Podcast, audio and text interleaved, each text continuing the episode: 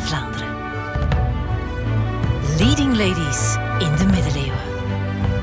Een co-productie van Clara en het Henri Pirenne Instituut voor Middeleeuwse Studies van de Universiteit Gent. Met Julie van Boogaard en Lisa de Metz.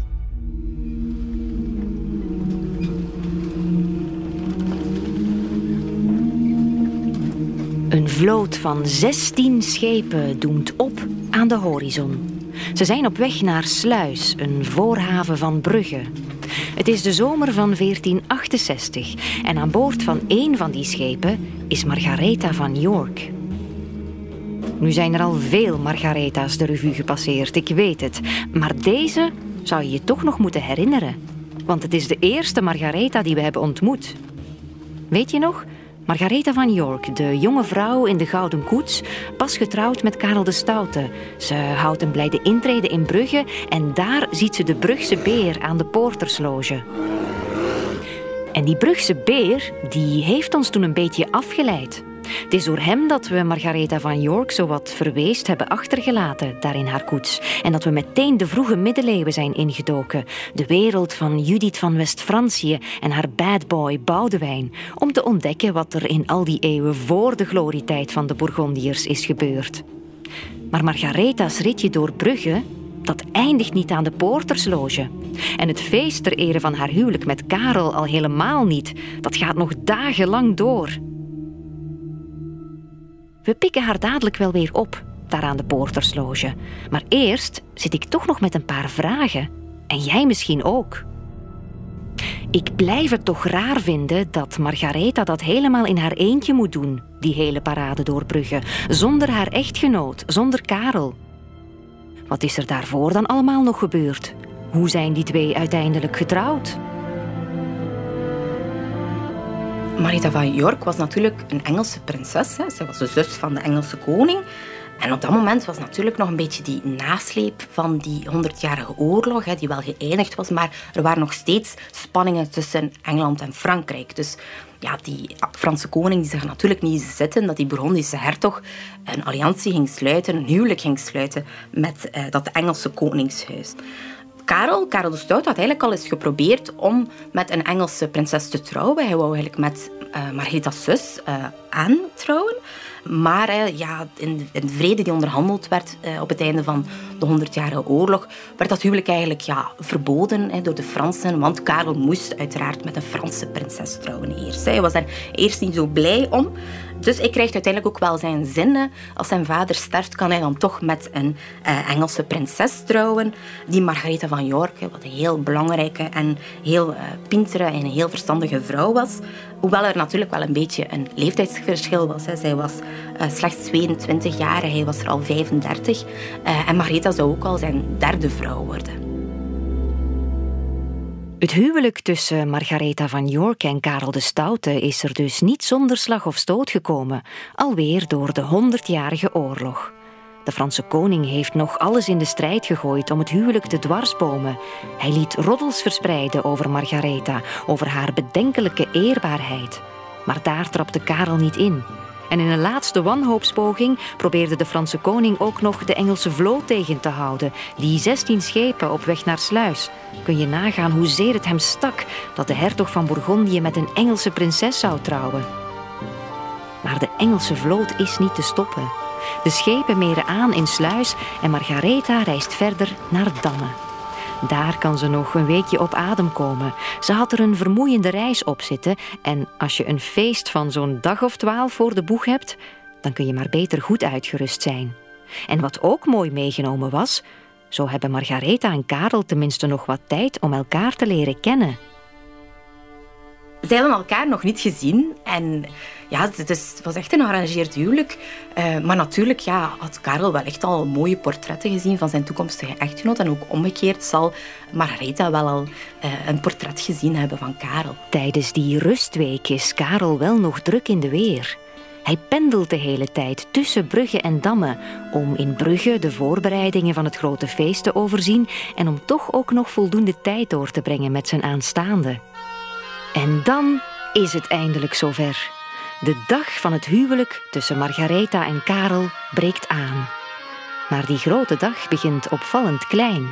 Zondag 3 juli, heel vroeg in de ochtend, dan trouwen Karel en Margaretha in het huis van de Baljuw in Damme. Eh, dan natuurlijk waren daar wel een aantal klerici aanwezig.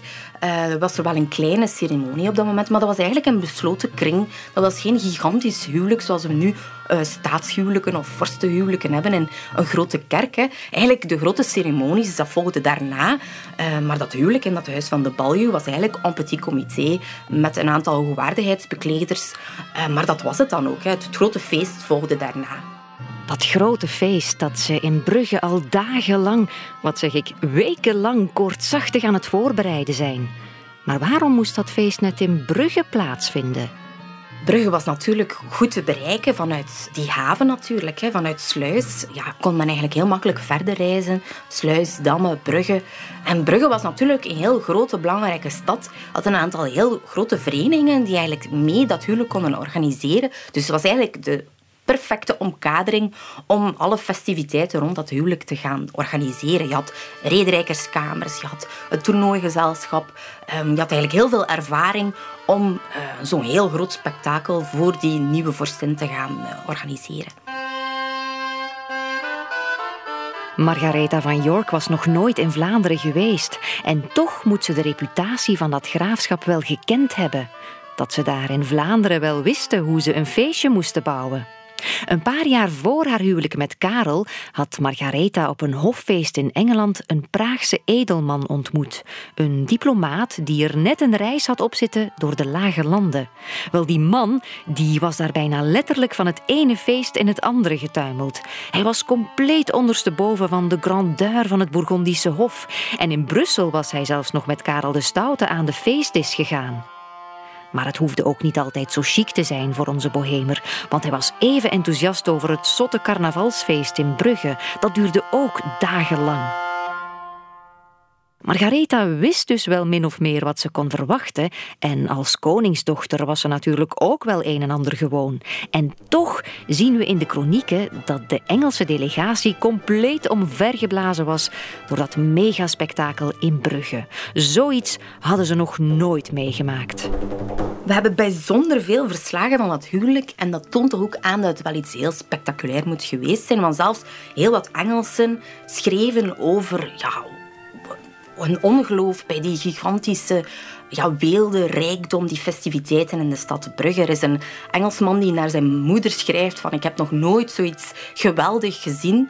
En je hebt natuurlijk ja, een aantal heel grote verslagen die ja, dat tot in detail beschrijven, wat ook wel toont, ja, het is een belangrijk huwelijk. En Brugge heeft ook aan een goede city marketing gedaan. Die heeft ervoor gezorgd dat daar wel over geschreven wordt. Die huwelijksfestiviteiten in Brugge waren extreem uh, decadent. Hè. Wat, wat, zag je? Heel de stad was natuurlijk versierd. Hè. Elk huis werd versierd met vlaggetjes. Uh, daar stonden mensen. Uh, maar er waren ook heel grote triomfbogen in de stad geïnstalleerd. Er werden eigenlijk nieuwe poorten gebouwd in hout. Er werden nieuwe fonteinen aangelegd. Er waren zelfs fonteinen waar rode en witte wijn uitvloeide. Waar, er is een, een, we hebben een mooie afbeelding in een kroniek in de excellente kronieken van Vlaanderen, uh, waarin je eigenlijk zo'n een poort ziet. Hè, en zo, een poort die werd gemaakt met de, allerlei wapenschilden van de Bourgondische hertog. Hè, al zijn gebieden stonden daarop, uh, geschilderd op die poort. Je ziet ook grote kolommen met daar twee figuurtjes in. En er zou daar, een van die figuurtjes zou een boogschutter geweest zijn. En uit die pijl zou dan rode wijn gevloeid hebben, waar dat de mensen dan een glas konden onderhouden en dan een beetje wijn drinken. Dus ze hadden in de middeleeuwen geen stromend water, maar wel stromende wijn. Wijnfonteinen, dat was prioriteit blijkbaar in de middeleeuwen. Kijk, ja, het waren toch wel belangrijke ingenieurs, hè, want zo'n spektakelstukken, zo'n grote poorten, ja, dat, dat moest van in elkaar getimmerd worden, dus die konden dat wel.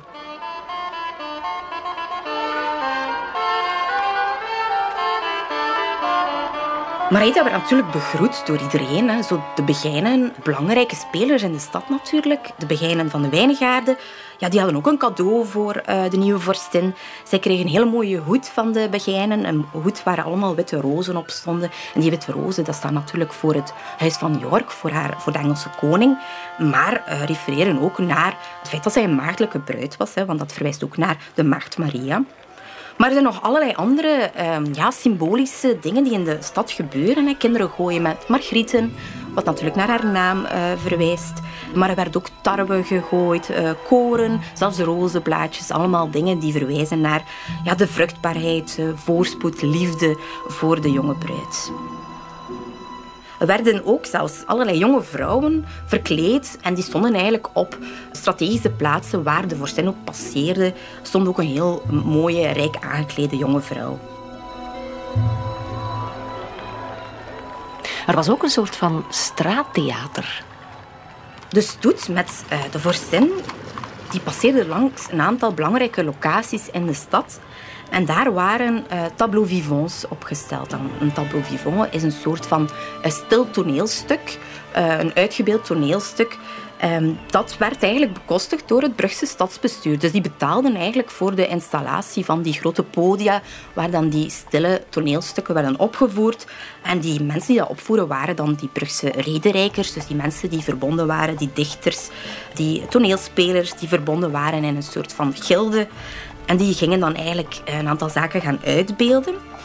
Er zijn een tiental van die installaties die eigenlijk op verschillende locaties in de stad werden opgesteld, waar langs de dan moest passeren. En op die tableau vivants zien we eigenlijk een aantal beroemde koppels. Dus eigenlijk had men ja, bruidsparen, belangrijke bruidsparen uit het verleden gaan uitbeelden, zoals Adam en Eva, Alexander en Cleopatra, Tobias en een dochter van eh, Rachel. Een aantal ook uh, heraldiek. Er werd eigenlijk ook een, een tableau vivant gemaakt rond een dierenhuwelijk. De luipaard trouwt met de leeuw en daarbij stond de luipaard voor het Engelse vorstenhuis en de leeuw stond dan voor Vlaanderen. En zo kon de vorstin eigenlijk verschillende toneelstukjes doorheen de stad bewonderen. En Judith en Boudewijn, de eerste gravin en graaf van Vlaanderen, vonden ze het niet nodig om hen uit te beelden? Er waren op dat moment geen historische tafereelen. Dus we zien geen Judith en Boudewijn, geen andere belangrijke Vlaamse vorsten. Maar dat is eigenlijk niet zo uitzonderlijk want het idee van een historisch tafereel, dat is pas later. Dat zien we eigenlijk pas op het einde van de 15e eeuw. Gaat men ook mensen uit de eigen geschiedenis op zo'n tableau vivant gaan uitbeelden. Nu kijkt men eigenlijk vooral naar bijbelse, maar ook klassieke verhalen. Verhalen uit de klassieke oudheid.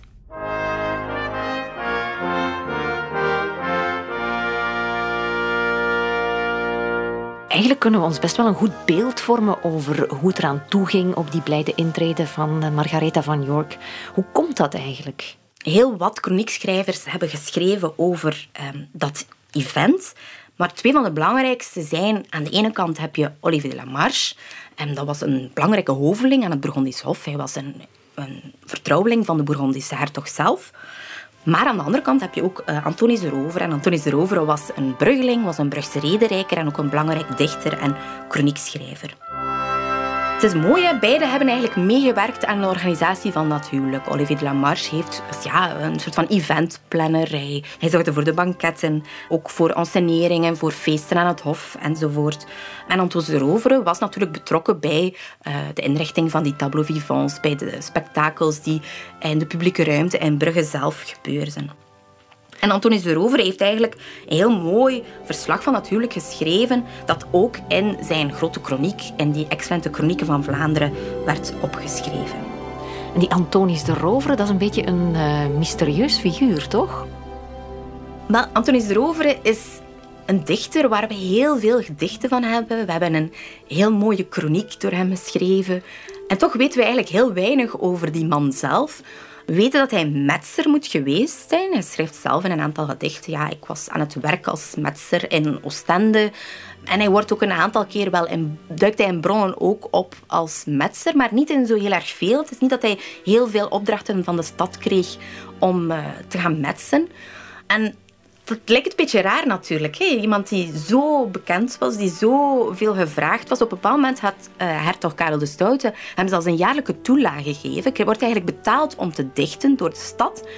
En toch weten we niet precies, ja, wie was die man? Hij was getrouwd wellicht, maar we weten niet met wie.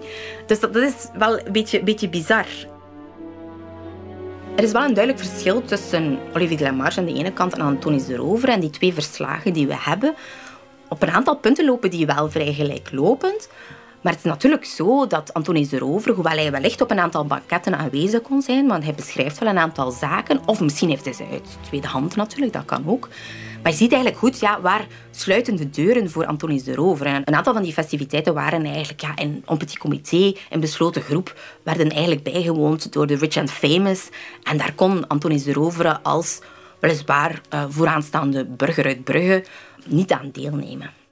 Nu moet ik wel zeggen, Lisa, die Bourgondische feesten, dat was allemaal pracht en praal, indrukwekkend, zeker als je die chronieken leest.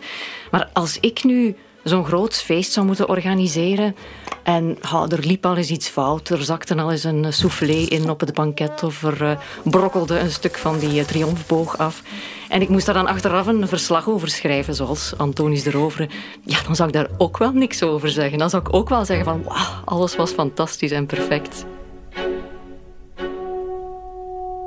Het is natuurlijk zo dat we ook alleen uh, de blik hebben van de mensen die het organiseren en van de mensen, iemand dicht bij het Hof en iemand dicht bij de stad Brugge, die natuurlijk belang bij hadden dat dat op een heel positieve, heel rijkelijke manier werd gepresenteerd, zodat mensen natuurlijk echt dachten van wauw, dat moet daar iets fantastisch geweest zijn in Brugge.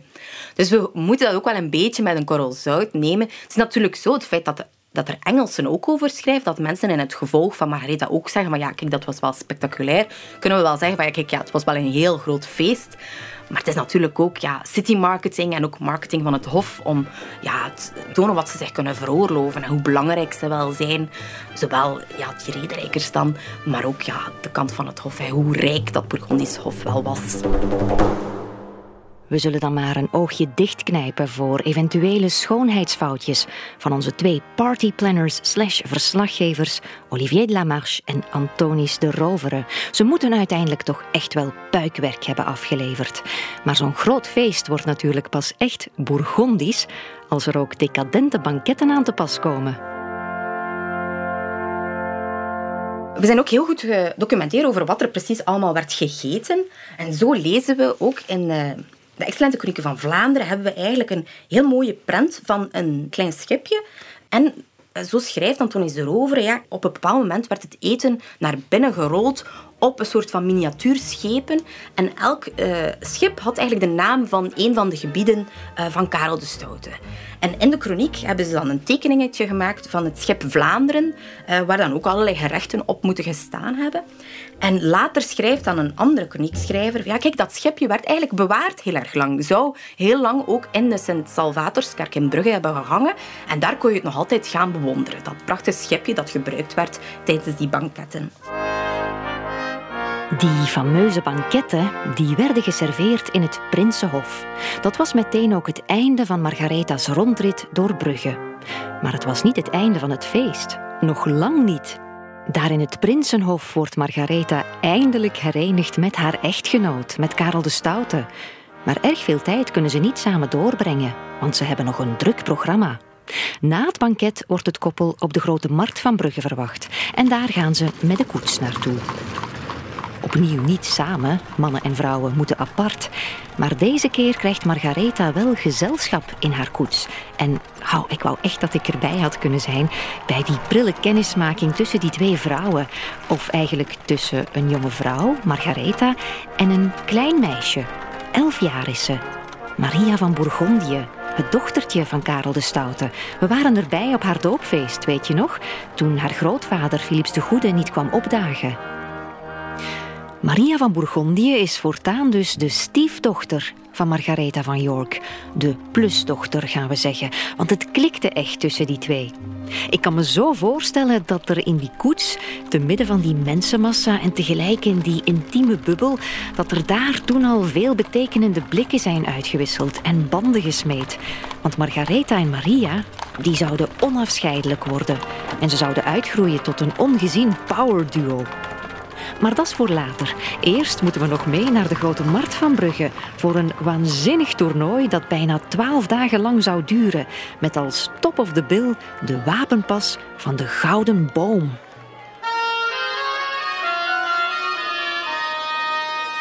Het is zo dat in die late middeleeuwen heel wat toernooien worden georganiseerd, ook in Brugge, Maar dan denken we in de eerste plaats aan een soort van steekspel, een traditioneel steekspel, waarbij twee ridders op een paard uh, ja, op elkaar afstormen. Uh, maar dat was eigenlijk slechts een heel klein onderdeel van een toernooi in de late middeleeuwen. Je had eigenlijk een aantal ensceneringen en een van de populairste uh, toernooispelen was eigenlijk een wapenpas. En een wapenpas was eigenlijk een vorm van reenactment. Men kon bijvoorbeeld een uh, slag gaan naspelen, maar men kon ook ja, uh, er een verhaal aan koppelen. Er werd dan een heel verhaal verteld. Het was eigenlijk een theaterstuk waarbij ridders moesten vechten, maar als onderdeel van een veel groter geheel en van een groot verhaal dat dan ook werd ingekleed, dat uitgebreid werd verteld. Het was eigenlijk meer theater dan een vechtpartij. Het was echt een geënsceneerd, want de winnaar was ook niet sowieso degene die het best had gespeeld. Uh, het was eigenlijk bijna op voorhand vastgelegd wie zou winnen. Vaak ook de belangrijkste. De belangrijkste persoon die dan aanwezig was, ja, die won meestal. Um, dus het is eigenlijk, ja, het, het, was sportief, maar het is niet echt de bedoeling dat je wint. Hè. Het is eigenlijk meer show dan uh, echt, uh, een echt steekspel, dan een echt gevecht.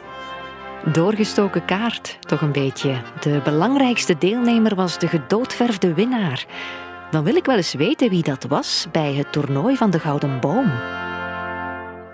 Het toernooi van de Gouden Boom werd georganiseerd door Antoon van Bourgondië, de halfbroer van hertog Karel, in het kader van dat huwelijk. En dat duurde een aantal dagen. Dat was een toernooi dat eigenlijk over meerdere dagen verspreid was.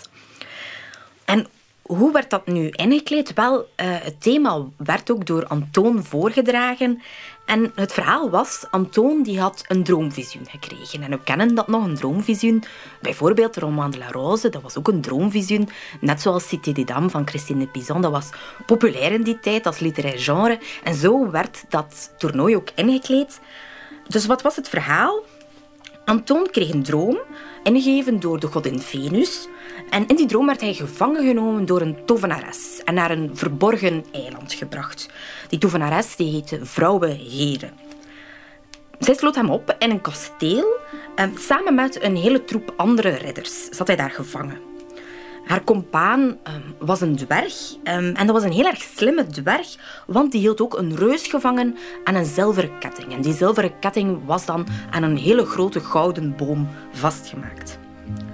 En om zijn vrijheid te bemachtigen van die tovenares, ja, dan moest Antoon een opdracht doen. Hij moest een hele hoop ridders verslaan. Op dat moment waren een troep ridders dat kasteel aan het bestormen. Hij mocht daarbij ook de hulp bijroepen van die gevangen ridders.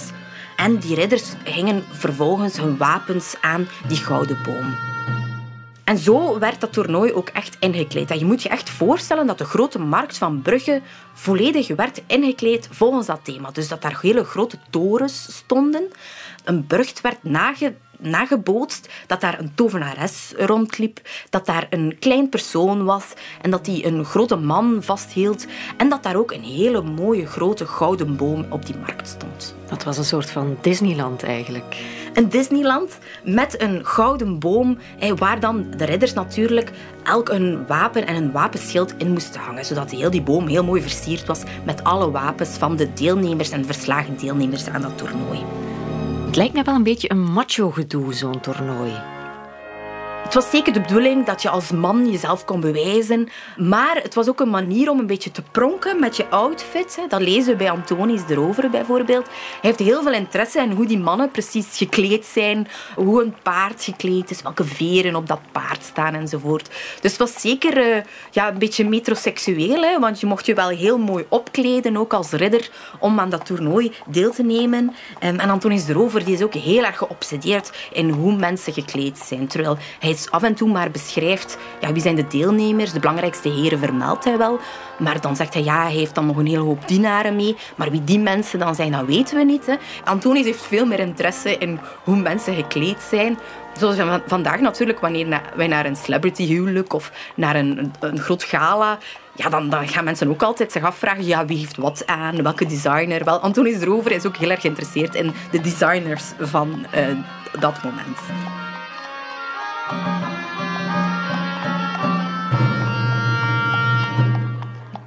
Ja, is er dan helemaal niks te doen voor vrouwen tijdens zo'n toernooi?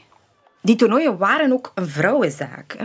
Er waren bijrolletjes voor vrouwen voorzien. De tovenares werd wel echt door een vrouw gespeeld. En we leren ook eh, uit verschillende boeken en manuscripten zien we dat die vrouwen wel een heel belangrijke taak hadden. Die moesten de wapens gaan keuren de dag ervoor. Um, zo is er een heel mooie prent bewaard um, uit een toernooiboek waarin we dat eigenlijk kunnen zien. Uh, hoe die de dag voor het toernooi de vrouwen de wapens gaan keuren. En in een toernooiboek van Lodewijk van Groethuis ja, lijkt die vrouw wel heel erg op Maria van Bourgondië, de dochter van de hertog. Echt? Denk je dat zij het is? Ik denk dat zij het is. Je ziet haar heel mooi kleed, haar blauw kleed, een beetje groen, uh, die mooie hoed die zij aan heeft. Ja, het is wel hoe zij wordt voorgesteld. En in een andere toernooiboeken wordt daar een heel andere vrouw gezet. Dus het lijkt alsof die Lodewijk van Groetus heel erg bewust daar Marie van Bourgondië in heeft laten afbeelden. Dus het is zeker zo dat vrouwen aanwezig waren op uh, dat toernooi. Die, die waren uh, toeschouwer en er werd voor hen een hele mooie tribune gebouwd. En zo weten we dat Margita van York samen met haar stiefdochter Maria en haar schoonmoeder Isabella van Portugal wonen zij het uh, toernooi bij vanuit Huis Kranenburg op de Grote Markt in Brugge. Dat huis staat er nog altijd. En aan dat huis werd eigenlijk een soort van loge gebouwd, uh, waar zij eigenlijk hoog uh, en droog zaten, veilig zaten, ook voor het wapengekletter enzovoort. Um, en vanuit die tribune konden zij eigenlijk naar de steekspelers kijken en het steekspel bijwonen.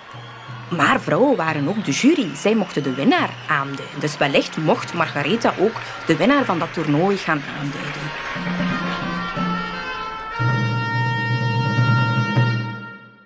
De winnaar van het toernooi van de Gouden Boom, die kent iedereen al van tevoren. Dat moet Anton van Bourgondië worden. Maar die Anton, die had een wel heel opvallende bijnaam. Anton van Bourgondië werd de Grand Bâtard de Bourgogne, dus de grote bastaard van Bourgondië genoemd. Was dat een spotnaam? Dat was een eretitel. Dus hij kreeg dat als eretitel omdat hij zijn vader, Philips de Goede, die had een heleboel bastaarden. Wel, hij was de belangrijkste bastaard van allemaal. Lievelingszoon, de favoriet eigenlijk van Philips de Goede, van de hertog. Er was een hele goede band tussen Anton en zijn vader. Zag jij Anton dan liever dan uh, Karel?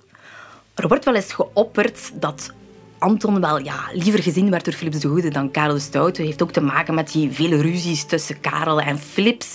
Maar dat is moeilijk te zeggen. Het is wel zo dat Anton een van de belangrijkste, machtigste edelmannen was aan dat Bourgondische hof. Dus ja, als bastaard had je eigenlijk alle mogelijkheden, zeker aan het Bourgondische hof. En er was ook geen rivaliteit tussen Anton en Karel. Die twee konden ook goed opschieten met elkaar.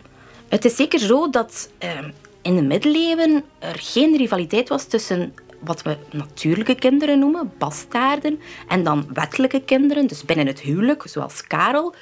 Wel, die, die kwamen vaak goed overeen, die groeiden op. Hè. Anton was een beetje ouder, dus Karel keek ook echt wel op naar zijn oudere broer.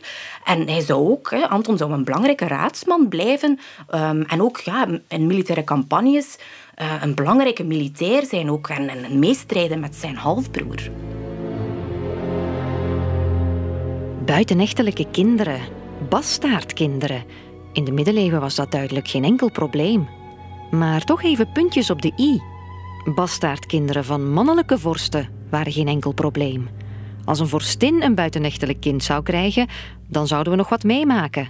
Het is zo dat we daar geen informatie over hebben over... Ja, krijgen die vrouwen ook buitenechtelijke kinderen? Dat is wel mogelijk, hè? want er zijn natuurlijk om... Uh, heel veel van die bastaarden worden ook buiten het huwelijk, hè? dus dat wordt ook met niet getrouwde edele dames. Dus er zijn wel degelijk adellijke dames die bastaardkinderen krijgen. Maar aan het Vlaamse Hof, hè, bij die gravinnen, ja, is dat natuurlijk niet mogelijk als je binnen een, al een huwelijk hebt afgesloten met iemand. Uh, maar er is natuurlijk ook wel nu DNA-onderzoek, kan misschien wel uitwijzen. Men onderzoek nu is men volop uh, bezig met vrouwelijk DNA te gaan analyseren en stambomen aan te leggen. En dan ziet men eigenlijk dat dat af en toe ook niet klopt. Dus dat er ook wel ergens af en toe een kink in de kabel zit, dat een zoon misschien niet de echte zoon blijkt te zijn van uh, een bepaalde edelman. Hè. Dus het kan wel. Philips de Goede die had zowat een leger aan bastaardkinderen rondlopen. Maar zijn zoon, zijn enige wettige zoon Karel, die zou geen enkele bastaard krijgen. Ook niet tijdens zijn huwelijk met Margaretha. Meer zelfs, Met haar zou hij ook geen wettige kinderen meer krijgen. Een halfbroertje of halfzusje voor Maria van Bourgondië zou er dus nooit komen. Marita van York zou eigenlijk de opvoeding van Maria van Bourgondië volledig in handen nemen, maar jammer genoeg kreeg zij zelf geen kinderen. Marita en Karel zijn negen jaar getrouwd geweest. Maar ja, ze zagen elkaar heel weinig. Eh, ze zouden elkaar eigenlijk maar een handvol keer zien en veel minder dan andere vorstenkoppels. We weten dat Philips en Isabella, zeker in het begin van hun huwelijk, elkaar heel vaak zagen. Maar voor Karel en Margaretha is dat eigenlijk bedroevend. Hè? In datzelfde jaar, eigenlijk op zes maanden tijd, het jaar van hun huwelijk, zien ze elkaar slechts 21 keer. Dus dat is helemaal niet veel. Natuurlijk is Karel met allerlei militaire campagnes bezig. En er komen geen kinderen. Er zijn een aantal roddels over Karel, hè, dat weten we ook. Hè, dat hij misschien uh, biseksueel zou zijn, homoseksueel zou zijn. Hij wordt daar ook van beschuldigd door tegenstanders wel. Er zijn traktaten geschreven door politieke tegenstanders, dus moet dat ook met een korrel nemen, waarin er wordt verwezen naar een mogelijke homoseksualiteit. Het is natuurlijk zo dat Karel ook geen gekende bastaarden heeft, in tegenstelling tot zijn vader, die natuurlijk wel er een sport van maakte om heel veel bastaarden te hebben.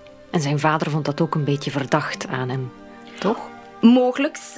Um, het is zo dat chroniekschrijvers bijvoorbeeld ook schrijven van dat Karel eigenlijk, ja, zelfs wanneer hij in hetzelfde land is van zijn vrouw en zijn dochter, dat hij liever in een andere stad uh, verblijft dan zijn vrouw en zijn dochter, uh, omdat hij niet graag veel vrouwen aan het hof heeft rondlopen. Hè. Dus dat verwijst ook weer een beetje naar ja, een mogelijkse voorkeur voor mannen, hè, wat natuurlijk wel kan. Wat er juist gaande is tussen een koppel, dat is vandaag al zo moeilijk te zeggen als buitenstaander. Laat staan over een koppel van meer dan 500 jaar geleden.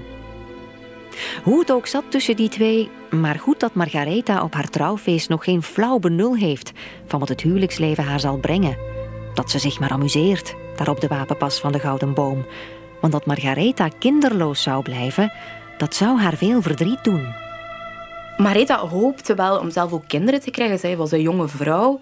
En we merken dat ook, hè, zes jaar na haar huwelijk, wanneer er nog altijd geen kindje is, uh, gaat zij eigenlijk op bedevaart. Dat is wat veel vrouwen doen die kinderloos blijken te zijn. Die proberen eigenlijk uh, vooral via een relatie tot Maria te bidden om toch een kindje te krijgen. En de hertogin doet dat ook. Hè. Zij gaat op bedevaart naar Aken, naar de Dom van Aken waar ze eigenlijk een heel mooi, rijkelijk kroontje, bezaaid met diamanten, met edelstenen, gaat schenken aan dat Maria-standbeeld.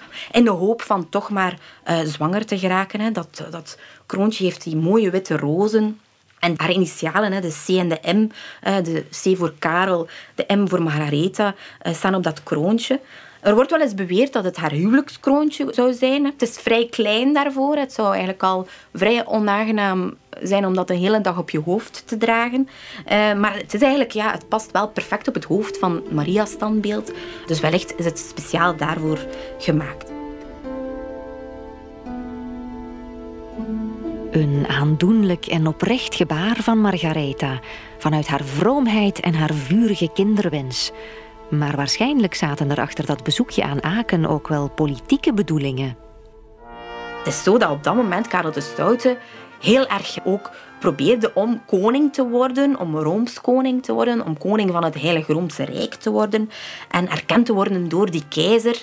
Dus ja, wellicht hè, was daar ook wel iets politiek aan de hang door daar heel erg symbolisch dat kroontje te gaan uh, doneren aan uh, de Dom van Aken. Een mooi charme-offensief toch, van Margaretha, aan het adres van de keizer van het Heilig Roomse Rijk. En dat was misschien wel nodig, want Karels eerdere pogingen om daar voet aan wal te krijgen waren toch niet al te vlot verlopen. Een jaar eerder was Karel de Stoute eigenlijk onderhandelingen begonnen met de keizer. En die ontmoeten elkaar ook werkelijk in Trier om te gaan onderhandelen over die koningskroon. Want Karel zei van ja, kijk, maak mij Rooms koning en dat is opvolger, hè, maak mij jouw opvolger. Eh, want in het Heilige Roomse Rijk werd de koning gekroond, gekozen. Uh, maar logischerwijze was dat vaak altijd de mannelijke erfgenaam. Hè. Maar hier zei Karel van kijk, ja, uh, maak mij maar koning, hè, want ik heb maar één dochter. Ik zal mijn dochter dan uithuwelijken met jouw zoon. En dan na mijn dood, ja, dan wordt jouw zoon toch sowieso ook Roomskoning en dan later keizer. Maar Karel had het daar uh, in Trier een beetje te bond gemaakt, hè, want hij wou daar wel wat de show stelen. Hij had een prachtig kostuum aangetrokken. Uh, heel mooi gouden hoed, bezaaid met diamanten. Was daar uh, als in een soort van pracht en praal naar die keizer gestapt. En die keizer moet daar een beetje van geschrokken uh, zijn. Want wat gebeurt er? In het holst van de nacht vertrekt de keizer. Dus die laat Karel eigenlijk achter. Iedereen wordt wakker en de keizer en heel zijn gevolg die zijn gewoon gevlucht. Die dacht, wat is dit hier? Ik ben hier weg. Ik ben hier weg. Van die Zo zie je maar dat dat gepronk van de Bourgondiërs niet overal aanslaat. Dat dat toch een cultureel gegeven is. Je moest je een beetje intonen en je moest eigenlijk dat in de juiste context gebruiken. En Karel was daar niet zo'n grote held in. Dat was een beetje onbescheiden misschien. Een geluk dat Margaretha van York haar plusdochter had, Maria van Bourgondië, om het gemis van een eigen kind toch wat te verzachten. Maar dat wil niet zeggen dat Margaretha's leven volledig rond haar kinderwens draaide. Marita van York was bijzonder intelligent. Dat moet een zeer intelligente vrouw geweest zijn met een hele grote talenkennis. Zij kon Engels, Frans, ook Nederlands een beetje. En zij was een heel groot bibliofiel. Zij las heel erg graag. Dus die Burgondische bibliotheek die er al was, die ook door Philips de Goede al een beetje was aangewakkerd, wel, Marita van York kon zij daarin uitleven. We weten bijvoorbeeld dat zij boeken ging gaan ontlenen van Philips de Goede. En zij schreef daar haar naam in. Dus zij eigende zich echt boeken toe van de Bourgondische hertog. En zij las die zelf en zij schreef daar zelf in. Ehm, en dat is wel leuk, want we weten eigenlijk zoveel over Margretha's leescultuur en wat zij allemaal graag las omdat ze dat heel vaak deed. Zij ging heel erg vaak haar naam in boeken schrijven. Zij liet zich ook heel graag afbeelden in boeken. Um, want zij bestelde ook zelf heel veel boeken. Zij gingen heel veel miniaturisten die er al waren aan dat Bourgondisch Hof, gingen zij gaan sponsoren en gaf zij eigenlijk de opdracht om boeken voor haar te schrijven en te maken en heel prachtig te gaan versieren um, en te gaan uh, beschilderen met allerlei hele mooie miniaturen. Margaretha van York bestelde ook boeken bij een William Caxton. En in de UK kennen ze hem wel, want het eerste gedrukte boek in het Engels, dat mag hij op zijn naam schrijven. Maar dat boek was er misschien wel nooit gekomen zonder Margaretha van York. William Caxton was de vertegenwoordiger van de Engelse kooplieden in Brugge. Dus dat was eigenlijk geen schrijver. Maar wat gebeurt er? Hij begon op zijn moment, als hij in Brugge aanwezig was, aan een Engelse vertaling van een Franse verhalenbundel die een aantal verhalen over Troje vertelde. En hij schrijft in dat werk ja, dat hij op een bepaald ogenblik um, ontmoedigd geraakte. Maar dat hij eigenlijk hulp zocht bij Marite van York. En dat zij hem aanspoorde en vrij uh, fel aanspoorde om dat werk toch af te maken. Toen ze mijn werk gelezen had, vond ze een fout in mijn Engels, die ze mij opdroeg te verbeteren. En ze beval mij meteen ook om verder te werken en de rest te voltooien die ik nog niet had vertaald. William Caxton liet uiteindelijk zijn werk drukken in Brugge. Ehm, dus die verhalenbundel werd eigenlijk in Brugge uitgegeven. Dus het eerste Engelstalige boek ja, dat gedrukt werd, ja, dat werd eigenlijk in, in Vlaanderen gedrukt.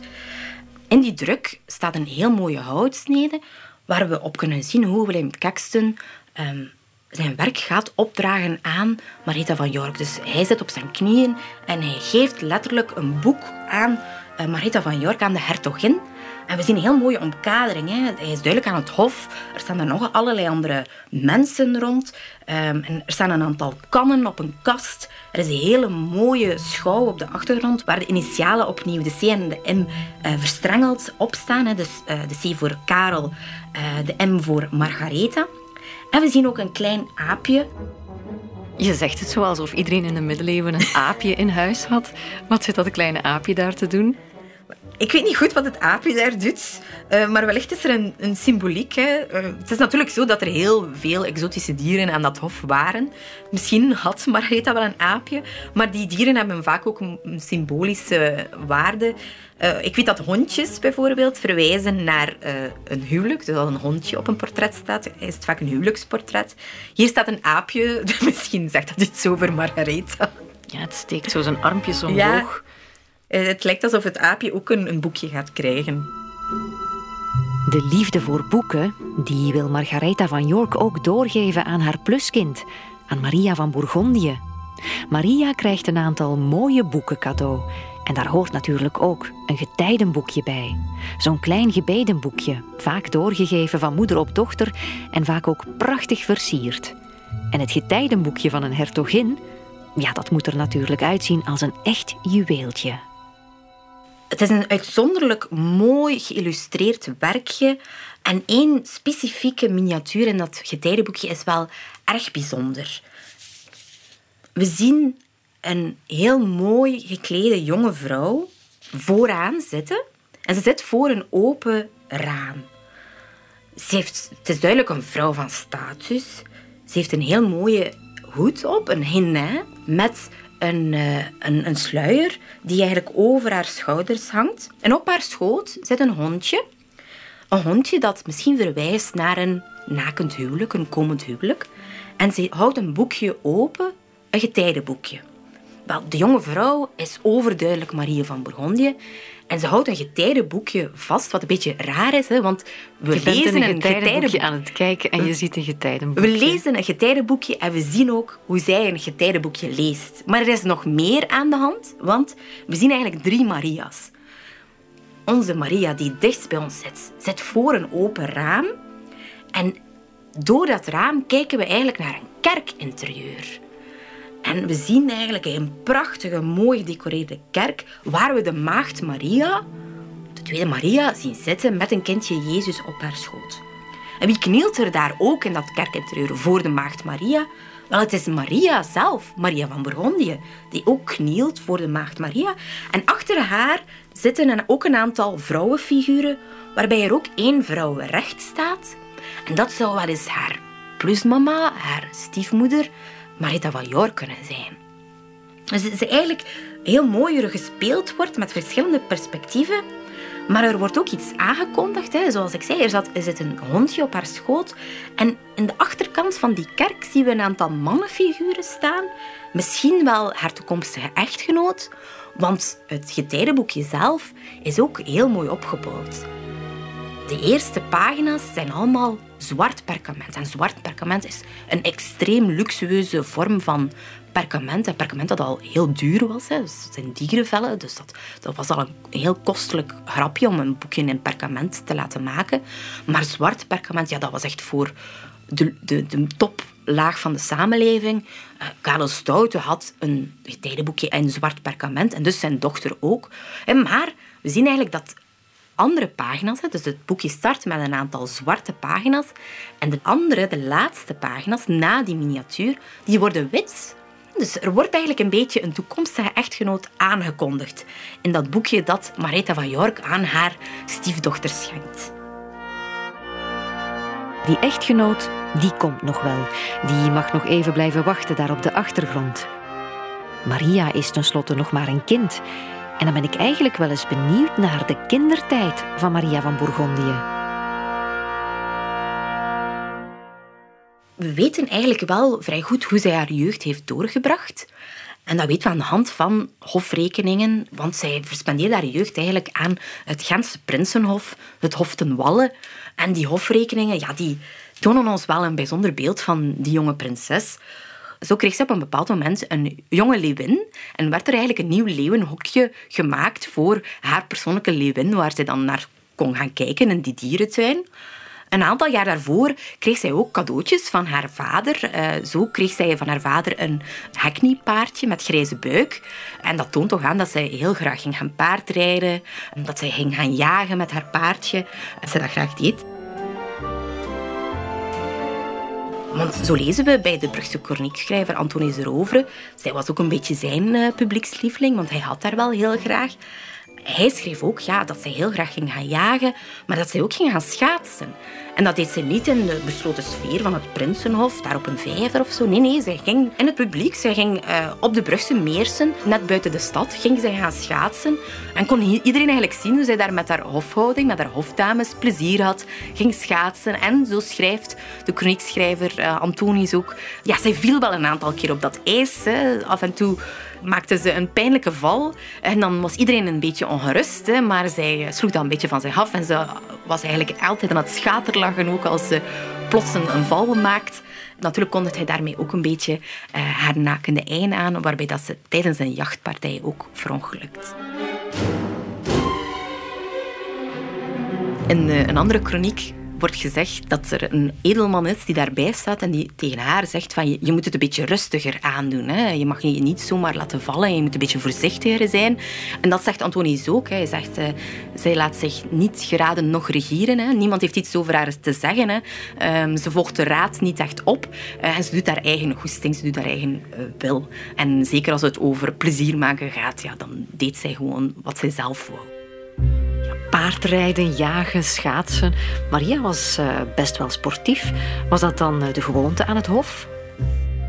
Maria was inderdaad een pittig meisje, maar dat was wel vrij normaal hè, dat die kinderen aan het hof spelen, dat die daar ook speelkameraadjes hadden. En dat leren we ook allemaal uit die hofrekeningen. Dat zij bijvoorbeeld op een bepaald moment uh, ja, moet zij een soort van pyjama-party georganiseerd hebben samen met haar hofdames. Want haar bed moest vervangen worden. Uh, ze hadden blijkbaar wel erg bond gemaakt en zouden er op dat bed gesprongen hebben. En dat bed zal het uiteindelijk begeven. En er moet een nieuw bed uh, besteld worden. Ze krijgt ook allerlei speelgoed, kleine tafeltjes, kaptafeltjes. Ook haar hofdames krijgen uh, speelgoedtasjes, uh, kleine chacosjes om mee te spelen. Ze danst ook heel graag. Hè. En zij en haar vriendinnen die gingen graag gaan dansen. En dat leren we ook. Hè, dat ze uh, volgens die hofrekening ging ze gaan dansen in de wijnkelder.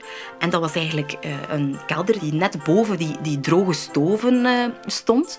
En de droge stoven, dat was een beetje de hertogelijke sauna. De combinatie, net zoals je in de Romeinse periode had, een soort van verwarmingssysteem, maar ook ja, om, om, om in, te zweten. Dus hij ging eigenlijk op die plankenvloer boven die sauna gaan dansen.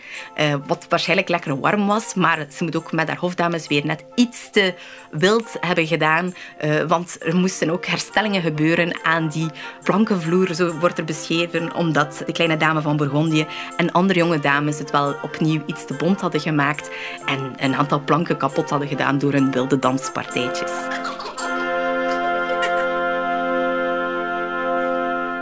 Werd er ook op volwassen leeftijd nog ja, gespeeld of aan sport gedaan? Ook volwassenen aan het hof die deden eigenlijk veel sport. Die gingen gaan jagen hè, en dat was wel een beetje gegenderd. Hoewel dat vorstinnen zeker ook deel konden nemen aan jachtpartijtjes. Dus die moesten niet alleen zitten wachten tot de mannen terugkwamen. Nee, nee, die deden mee. Maar die hadden een ander soort vogel, hè, want men jaagde op dat moment met, met vogels. Vogeljacht was zeer populair.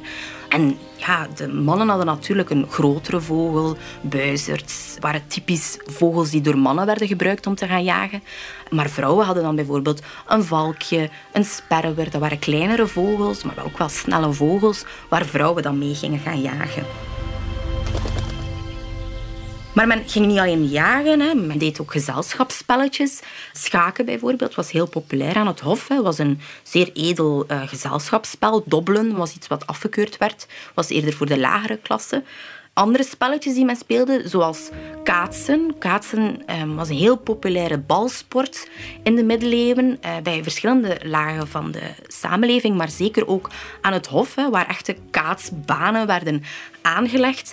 En kaatsen, dat is eigenlijk een beetje de voorloper van tennis. Het is het tennis zonder een racket, waarbij je een bal naar je tegenstander moet gooien in de hoop dat uh, die die niet vangt. Dus ja, terugslaan met de handpalm. Je moet met je hand eigenlijk de bal terugslaan. Um, en zo zal men uiteindelijk dan toch wel een soort van stok en racket gaan gebruiken. Um, maar initieel werd het eigenlijk gespeeld met de gewone handpalm. En het heet ook in het Frans jeu de la paume. Hè? Dus de balsport van, van de handpalm eigenlijk. Maar in het Nederlands wordt het kaatsen genoemd. En we weten bijvoorbeeld in het Bourgondisch Hof in Mechelen dat daar een kaatsbaan was aangelegd. Dus in die Prinsenhoven hadden we wellicht een eigen soort van tennisveld, eh, padelveld, voorloper van die padel of die tennis, waar ze dan eigenlijk eh, ja, in privé konden gaan tennissen um, zonder rackets padeltoernooitjes, jachtpartijtjes, verkleedfeestjes en dansen totdat de dansvloer het begeeft. Ja, ik ben bijna jaloers op de kindertijd van Maria van Bourgondië. Maar het is haar gegund hoor, want die zorgeloze jeugd, die is zo voorbij. Maria moet al snel volwassen worden en de macht van haar vader overnemen als hertogin van Bourgondië. Maar dat zijn zorgen voor later, voor de volgende aflevering, de laatste al, van de vorstinnen van Vlaanderen.